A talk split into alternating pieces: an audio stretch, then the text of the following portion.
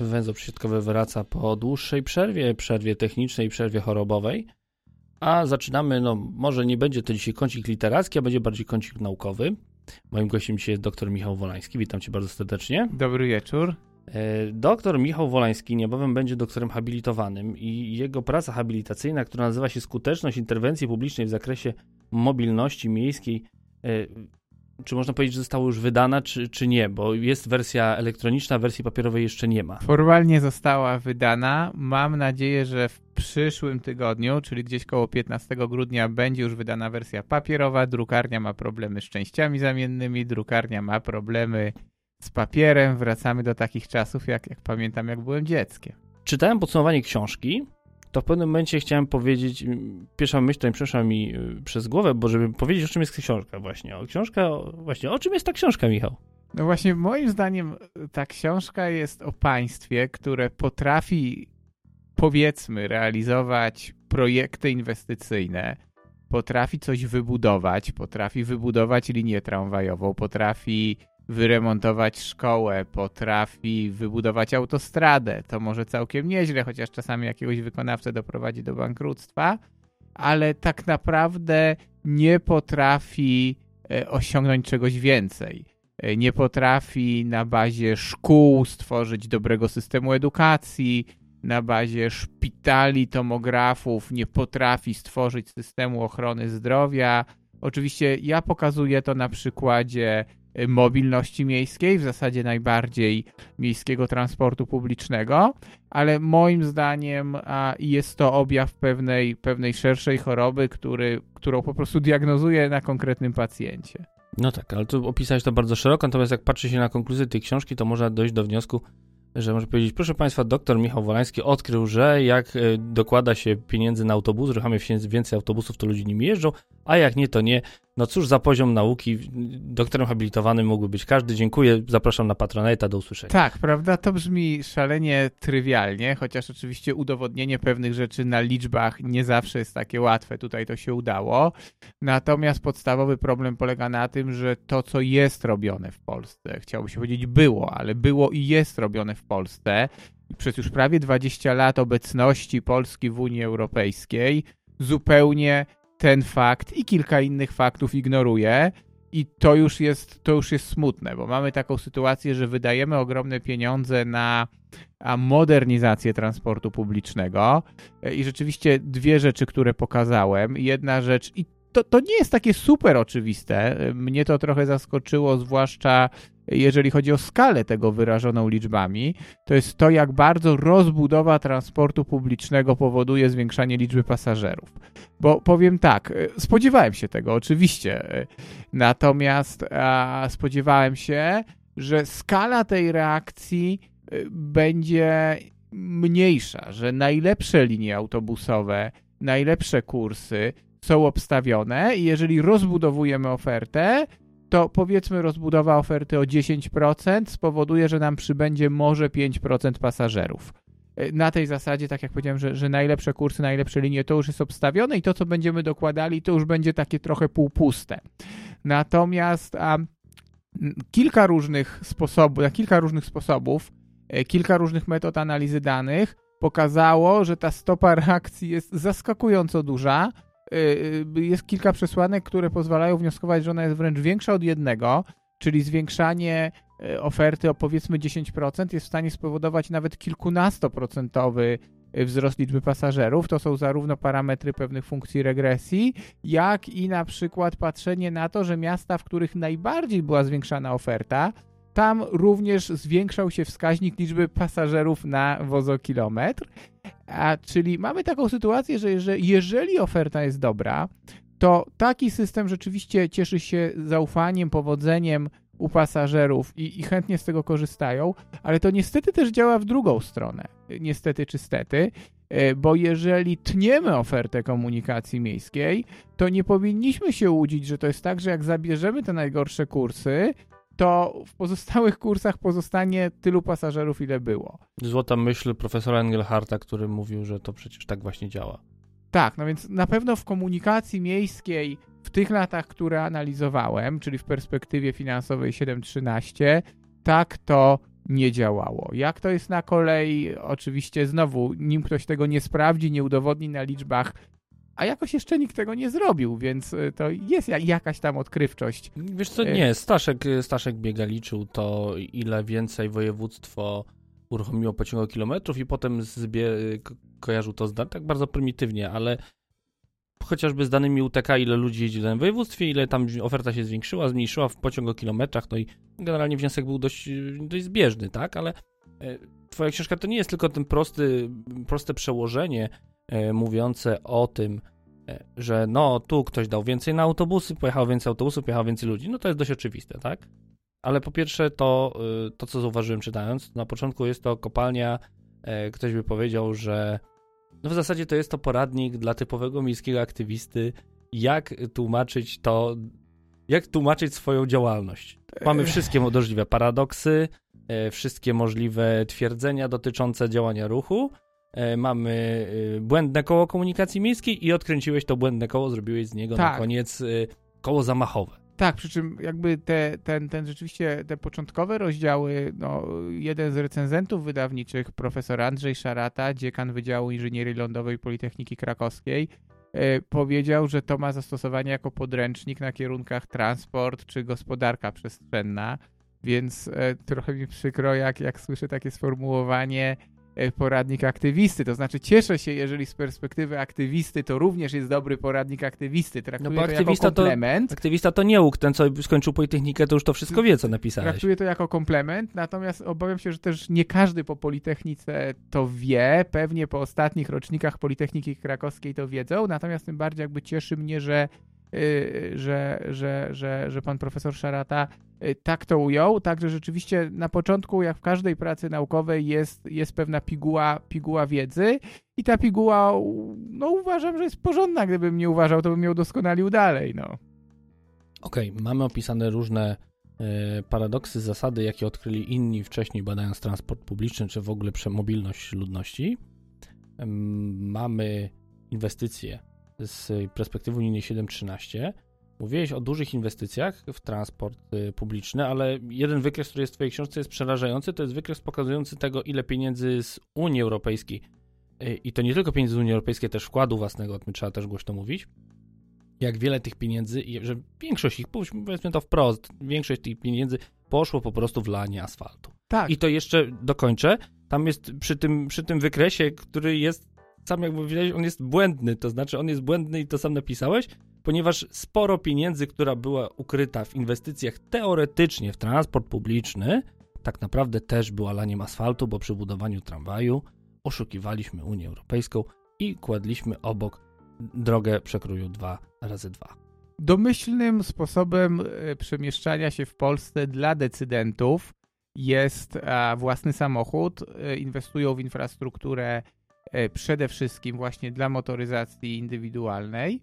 A, a najdziwniejsze jest to, że z drugiej strony e, dokumenty strategiczne e, zakładają wzrost udziału transportu publicznego w miastach i to wzrost bardzo pokaźny i jedno z drugim nie jest możliwe do pogodzenia. To jest tak naprawdę E, no takie trochę, e, nie chcę powiedzieć schizofreniczne, bo już spotkałem się z zarzutami, że, że, że używanie przykładów chorób psychicznych nie jest właściwe, a natomiast jest to powiedzmy bardzo e, niespójne. Hipokryzja. Hipokryzja. To nie choroba, to zachowanie jak najbardziej świadome. To, co się pojawia też, to co cytujesz na przykład w strategiach transportowych, to jest to, że tu rozbudowujemy sieć dróg, sieć dróg, ale transport publiczny racjonalizujemy. Tak, po, po, powiedzmy po imieniu. E, chciano osiągnąć wzrost przewozów transportu publicznego, chciano i wzięto na to pieniądze unijne, Natomiast z drugiej strony rozbudowywano przepustowość transportu publicznego, natomiast nie rozbudowywano przepustowości e, źle. Rozbudowywano przepustowość dróg, natomiast nie rozbudowywano przepustowości transportu publicznego. No tak się nie da, mówiąc po kolejowemu, tak się nie da. No, ale mówisz, rozbudowano tak bezosobowo. Kto, kto to zrobił? Kto jest, kto jest winny? Kogo teraz będziemy piętnować i wskazywać palcem jako tego, który chciał oszukać Unię Europejską na grube pieniądze? Ja nie jestem sędzią, ja nie jestem Najwyższą Izbą Kontroli. Ja tu nie podejmuję się wskazywania winnych, ja opisuję pewnego rodzaju zjawiska. To jakie jest to zjawisko? Gdybyśmy mieli spróbować w jednym zdaniu, to już trochę, trochę do tego dochodzimy yy, dookoła, ale E, co jest tak naprawdę problem? To, że nie wkładano pieniędzy w transport publiczny, czy to, że jedną ręką wkładano pieniądze w transport publiczny, ale dwa razy więcej kładziono na drogi? To, że przede wszystkim to, że transport publiczny e, modernizowano, a sieć drogową rozbudowywano. Czyli dokładnie to samo, co się dzieje na kolei, ty przeanalizowałeś w komunikacji miejskiej w średnich, dużych miastach w Polsce. Tak, tak. Natomiast druga rzecz, która jest tutaj moim zdaniem też bardzo ważna, to jest taka, że tak naprawdę gro działalności państwa polskiego polega na realizacji programów inwestycyjnych, polega na budowie infrastruktury, natomiast nie polega na głębszej refleksji, co my na tej infrastrukturze chcemy osiągnąć. I drogi są pod tym względem wdzięczne, bo one są takim troszeczkę produktem idiotoodpornym. Wystarczy wybudować drogę i ona sobie jest. No i dopiero po parynastu latach wymaga jakiegoś remontu, natomiast do, do tego czasu jest w miarę nieźle. Natomiast e, e, linia kolejowa, szkoła, uniwersytet, e, linia tramwajowa, nowy autobus to są wszystko inwestycje, które później wymagają konkretnych działań, żeby z nich był pożytek i tych działań nam brakuje. E, I to, to dotyczy, e, tak jak różne badania prowadzę, to dotyczy niestety bardzo wielu elementów działalności państwa polskiego. Tak się nawet ostatnio śmiałem u siebie w firmie, że e, był ogłoszony przetarg na analizę wpływu funduszy unijnych na walkę z ubóstwem i w zasadzie też w ciemno można by powiedzieć, że robimy wiele projektów, które mają na celu walkę z ubóstwem, natomiast nie mamy spójnej strategii E, walki z ubóstwem jestem przekonany, że, że do takiego wniosku można by dojść. To banalne, mówisz po prostu jaki jest problem i w zasadzie w każdej dziedzinie państwa polskiego może powiedzieć to samo. No tak, ale... bo to wynika z tego, ale to, to, to też jest ciekawe. To, to może jednak wróćmy do tego bo to w sumie jest ciekawe. Kto jest temu winny? Bo jakby z jednej strony oczywiście można powiedzieć, że temu są winne polskie władze, które w taki, a nie inny sposób działają, które nie są w stanie wytworzyć kompleksowych polityk. Natomiast z drugiej strony, jak zacząłem, zacząłem to sobie trochę drążyć, to z drugiej strony mam wrażenie, że równie współwinna jest Komisja Europejska. Komisja Europejska, która mówi: My chcemy finansować e, projekty infrastrukturalne, a od rzeczy operacyjnych są państwa członkowskie. Jakby z jednej strony ja rozumiem, że e, komisja chce mieć taką zasadę, żeby Y, to, co daje, było dodatkowe, to co redystrybuuje, było dodatkowe w stosunku do tego, co robią państwa członkowskie. Natomiast z drugiej strony y, to jest takie trochę na złość mamie odmrożę sobie uszy, bo efekt jest taki, że przez to pieniądze są wydawane nieefektywnie, nie na to, co trzeba. I tu rzeczywiście wróćmy do tego wykresu, o którym mówiłeś. Y, tego wykresu, w którym pokazałem, że w perspektywie 7.13 10 miliardów złotych było wydane na wkład własny do projektów e, w transporcie publicznym, e, projektów wartych łącznie 25 miliardów. I zacząłem się zastanawiać, co by było, gdyby część z tych pieniędzy, e, tego wkładu własnego, tych naszych krajowych pieniędzy, wydać na rozbudowę oferty, i wtedy rzeczywiście wyszło, że można by mówić o 20-30%, może nawet 40% wzrostach liczby pasażerów. Gdyby zamiast wymagać dużego wkładu własnego, wymagać minimalnego wkładu własnego, ale wymagać działań komplementarnych, wymagać tego, żeby e, nowe autobusy jeździły częściej, żeby na nowych liniach e, tramwajowych tramwaje jeździły często. E, także tak naprawdę czy winni są tylko w Polsce, czy winnym jest cały system pomocowy, to można dyskutować. I też trzeba sobie powiedzieć, że ta porażka tego, co się dzieje teraz w Polsce, to, to nie jest taka porażka super odosobniona, no bo były wcześniej inwestycje, były wcześniej interwencje publiczne w Niemczech Wschodnich, gdzie też wpakowano mnóstwo pieniędzy. Nie do końca się udało postawić te regiony na nogi. Były przypadki w południowych Włoszech, były przypadki w ubogich rejonach Stanów Zjednoczonych i wszędzie tam programy pomocowe nie do końca się sprawdziły. Także to, to, to, to też to nie jest tylko i wyłącznie polska polska bolączka i to nie jest tylko i wyłącznie błąd polskich władz, co oczywiście nie znaczy, że, że ja ich chcę tutaj bronić, tylko, tylko mówimy o bardzo poważnym problemie działalności państw, a nie tylko państwa polskiego. Okej, okay. mówiłeś o paradoksach związanych ze strategiami, które wskazywały, że osiągniemy wzrost udziału transportu publicznego, osiągniemy wzrost przewożących pasażerów itd., tak itd., tak ale numerem jeden w takiej tabeli, która jest jakby podsumowaniem książki, jest, uwaga, uwaga, wszyscy są bardzo zdziwieni, że akurat to miasto tam się znalazło, jest Jaworzno. Ale, I, i to co ciekawe, dziwi, tak, natomiast y, y, powiem tak, y, kiedy zacząłem pytać, badać ten przypadek Jaworzna, y, to, to moi znajomi z Jaworzna powiedzieli, że początkiem sukcesu Jaworzna była świetna strategia napisana przez inżynierów. E, I ja zacząłem tej strategii szukać. Nie Tą było... strategią miasto się chwali, że to jest baza do tego sukcesu. Tak, tak, tak, tak, tak. Ja zacząłem jej szukać. E, nie było jej w internecie, aczkolwiek e, jak trafiłem do właściwej osoby, to rzeczywiście od razu została mi wysłana mailem, także tutaj dostęp do informacji publicznej na prosty wniosek telefoniczny zadziałał. Natomiast e, kiedy zacząłem czytać tę strategię, to naprawdę włos mi się zjeżył na głowie. Tak jak wszystkie strategie są w Polsce takim pięknym zawsze mydleniem oczu, że wszystko będzie pięknie, wszystko zrobimy, wszystko będzie dobrze. Ten kryzys planowania strategicznego to jest zupełnie odrębna rzecz. To ta strategia jaworznicka y, to była tak naprawdę antyteza y, tego, co zrobiono również y, była mowa o tym, że autobusy to są głównie zawali drogami, że ruch, że motoryzacja indywidualna jest w zasadzie jedyną nadzieją dla miast. No ja teraz to trochę parafrazuję, natomiast rzeczywiście pozwoliłem sobie na bardzo obszerne y, cytaty w pracy, y, żeby y, nie było tego ryzyka, żeby, żeby, żeby po prostu czytelnik mi uwierzył, co tam jest napisane, bo to były rzeczy rzeczywiście nieprawdopodobne i może to jest jakaś metoda na Polaków, napisać w strategii A i wtedy będzie wiadomo, że nie będzie zrobione A, tylko dokładnie odwrotnie. Nawet nie B, tylko A'.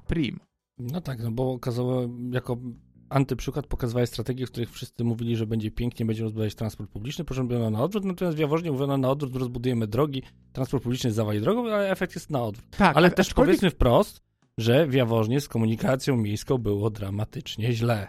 Było dramatycznie źle, ale to jest też moim zdaniem yy, ważna wskazówka, że tak naprawdę wyciąganie za uszy tych komunikacji, gdzie jest dramatycznie źle, jeżeli tylko będzie robione kompleksowo, jeżeli to nie będzie dawanie autobusów gdzieś, gdzie jest dramatycznie źle, gdzieś, gdzie ciągle tną i będą cieli jeszcze bardziej, e, być może ma ogromny potencjał na zmiany w skali kraju i być może tam należy zmasować interwencje. To, to, to, to, to jest dla mnie wniosek i być może y, na przykład komunikacja pozamiejska jest takim dramatem, który powinniśmy y, ratować. Ale jakby wszystkie przykłady pokazują, że właśnie mamy tą jakby mm, bonus zapóźnienia, tak? Premię za zapóźnienie, że w Polsce generalnie wystarczy gdzieś uruchomić autobusy, y, mówię tu o komunikacji pozamiejskiej i one od razu chwytają, bo jest taki głód, taka pustka rynkowa, że, że w zasadzie trudno jest nie wygrać. I, I tak i nie, bo jednak mamy dużo przypadków akurat w komunikacji pozamiejskiej, gdzie wójtowie zwłaszcza zdobywają dofinansowanie w RPA, tworzą komunikację gminną dziwią się, że nikt nie jeździ. No nie jeździ, bo to jest komunikacja znikąd donikąd. Były powiaty, które też robiły taką rachityczną alibi komunikację. To są przykłady, które rzadziej są medialne, no bo wszyscy, wszyscy szukamy sukcesów. Natomiast gdyby tak solidnie wylosować na przykład projekty FRPA, to ja mam wrażenie, że powstało dużo takich komunikacji znikąd donikąd. To nie znaczy, że na tych obszarach nie powinno być komunikacji, ale e, komunikacja publiczna powinna łączyć obszary różne potencjałowo, obszary, gdzie są miejsca pracy i obszary, gdzie są pracownicy. I no rzadko kiedy y, takie obszary y, znajdują się w jednej gminie, nawet nie zawsze znajdują się w jednym powiecie. Y, problem jest taki, że no my nie mamy jakichś struktur subregionalnych, ale tu już wchodzimy w inne badania, które ostatnio robimy, które też są ciekawe i wskazują, że właśnie w Polsce jest ogromny ciężar rozwoju Y, na gminach, a tak naprawdę gmina może bardzo niewiele. Ponad gminą mamy słabe powiaty, a potem dopiero dość duże województwa i to też jest taki problem, że tak naprawdę nie ma komu w Polsce wytwarzać y, jakichkolwiek wizji. Okej, okay, ale oprócz Jaworzna mamy jeszcze jakieś pozytywne przypadki. Ja zaobserwowałem, że wbrew pozorom pozytywnym przypadkiem jest Wrocław. Pozytywnym przypadkiem jest Wrocław, pozytywnym przypadkiem jest Lublin.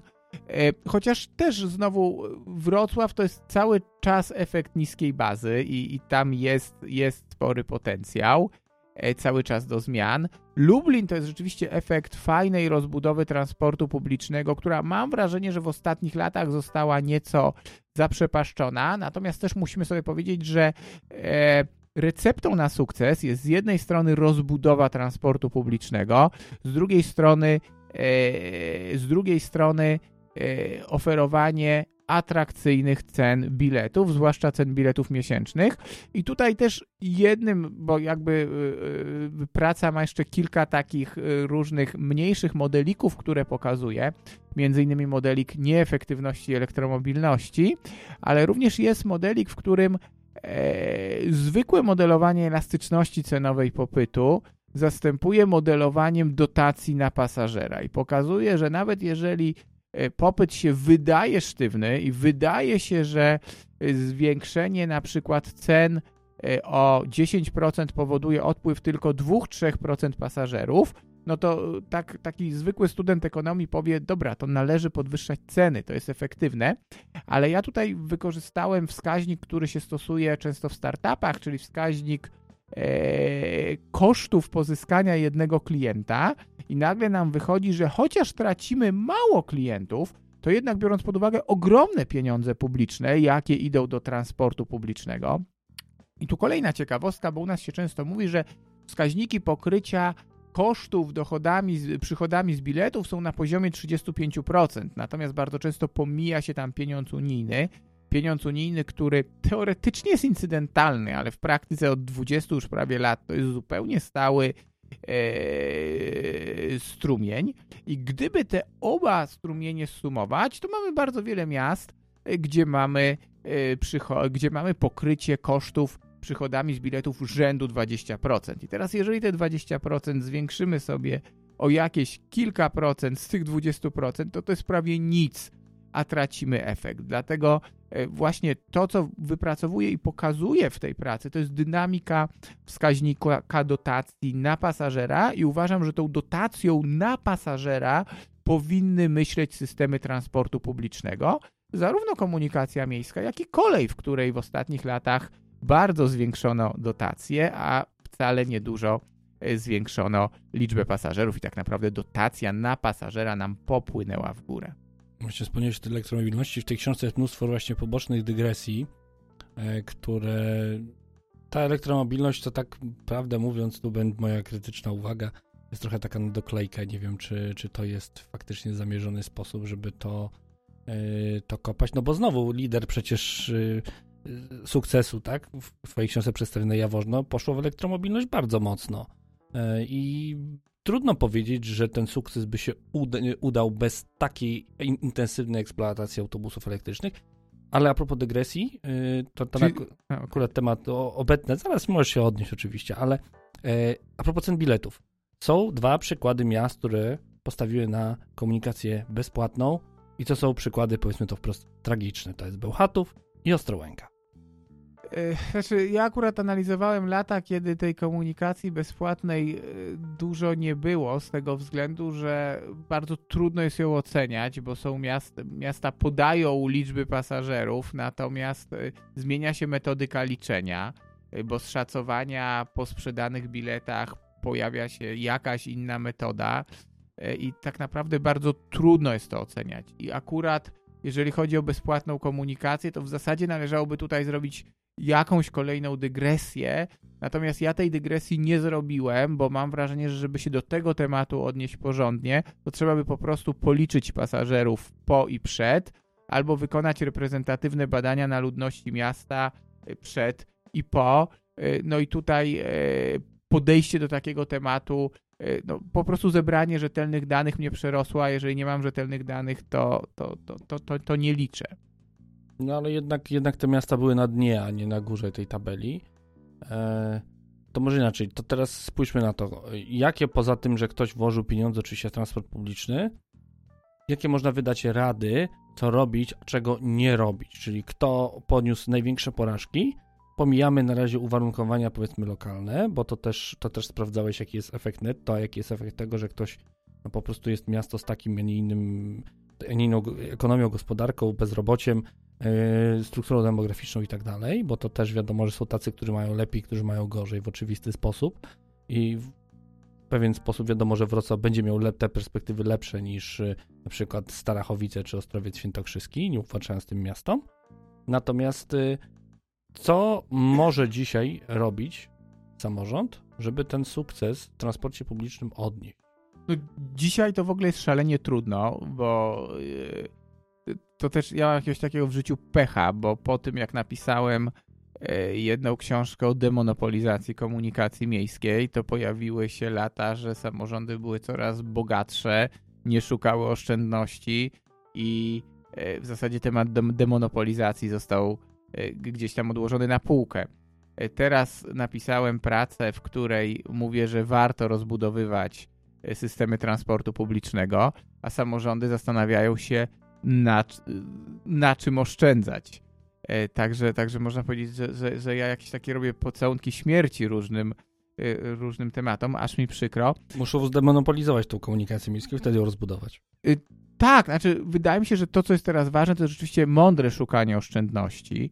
E, elementem tego mądrego szukania oszczędności e, może i powinno być e, szukanie oszczędności na kosztach jednostkowych różne. Powinniśmy się zastanawiać, czy rzeczywiście potrzebujemy wszędzie operatorów komunalnych. Powinniśmy się zastanawiać, czy potrzebujemy na przykład tylu różnych monitorów w autobusach, tylu różnych bajerów, czy to rzeczywiście ma wpływ na pasażerów, ale też mam wrażenie, że to są lata, kiedy znowu będziemy mieli konkurencję, e, będziemy mieli e, trudne wybory finansowe i jeżeli chodzi o kwestie związane z zakupem nowych autobusów w ogóle, można to trochę odłożyć na później, natomiast jeżeli potniemy ofertę, no to, to nam liczba pasażerów spadnie. Ja sobie przypominam, jak pierwszy raz byłem na Węgrzech w 2009 roku. To były Węgry pogrążone w kryzysie, z którego zresztą cały czas nie do końca wyszły. E, wtedy było tam mnóstwo Ikarusów, które już w Polsce były wycofywane. Natomiast te Ikarusy jeździły mega często, chociaż kraj był pogrążony w kryzysie, to jednak zarządzający transportem wiedzieli, że jeżeli potną częstotliwość kursowania, to tak naprawdę sami się położą do grobu. To oddadzą, sytua- oddadzą pole walki bez walki. E, I to, co jest moim zdaniem ważne, to jest walczenie o każdy wozokilometr. E, można opóźnić inwestycje. Można być może nawet zrezygnować z utrzymania niektórych drogich systemów informatycznych. Można opóźnić przede wszystkim inwestycje w drogi, przeskalowane drogi, ale również inwestycje w transporcie publicznym. Natomiast nie można ciąć E, wydatków operacyjnych. Natomiast oczywiście tutaj niestety kolejnym problemem jest reguła wydatkowa, która panuje w samorządach, która mówi, że wydatki bieżące muszą mieć odzwierciedlenie w dochodach bieżących i na przykład, jeżeli jest trudna sytuacja, miasto może wziąć kredyt na budowę drogi, a nie może wziąć kredytu na utrzymanie oferty przewozowej w trudnych czasach i w ten sposób będziemy też niszczyli efekty dużych inwestycji unijnych i to jest moim zdaniem przykre. I tutaj zapada taka niezręczna cisza, bo tak w sumie ciężko znaleźć wyjście z tej sytuacji w tym, e, w tym momencie. Co z tym zrobić, żeby jednak e, tej oferty nie trzeba było ciąć? Tak jak rozmawialiśmy o cenach biletów, no coraz więcej miast sięga do kieszeni pasażerów, czasem nawet w sposób, e, można powiedzieć, drastyczny, jak robi to Łódź, mniej drastyczny, jak robi to Kraków, ale z kolei na przykład wciąż narzekająca na pieniądze Warszawa, której być może pieniędzy nie brakuje, ale która ma relatywnie bardzo tanie bilety okresowe, jednorazowe w sumie też, e, jednak tego nie robi.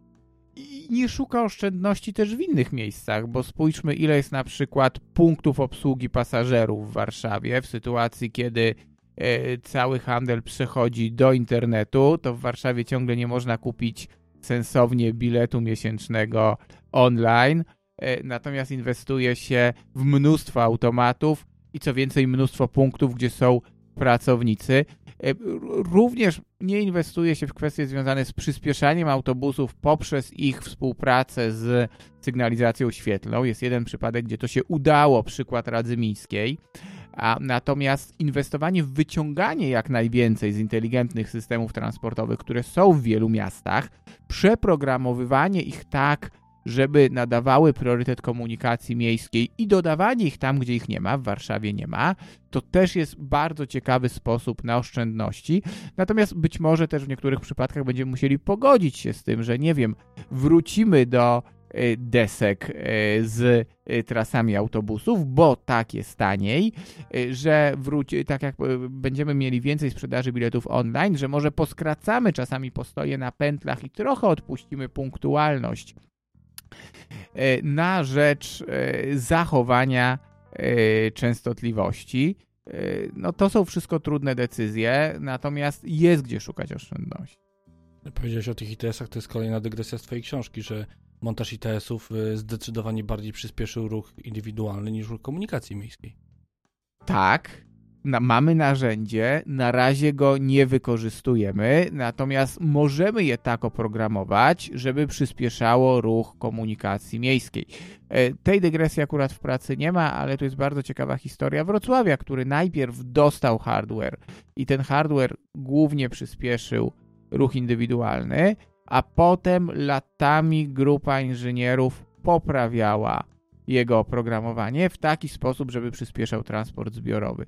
I oczywiście koszty tego, co oni zrobili, były dużo mniejsze niż koszty tego pierwotnego wdrożenia. Natomiast no, Wrocław jest miastem, y, które postawiło na ludzi, a wiele innych miast ma to do siebie, że ma infrastrukturę, a nie ma ludzi.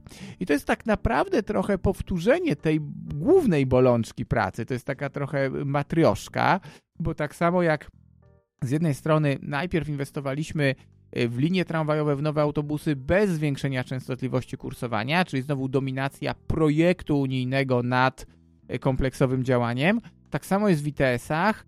Y, robimy najpierw projekt unijny, a potem nie mamy teamu ludzi, którzy, który, czyli nie mamy pieniędzy na wydatki bieżące, nie mamy teamu ludzi, który jest w stanie z tego ITS-u coś wyciągać. A to jest ciągła praca.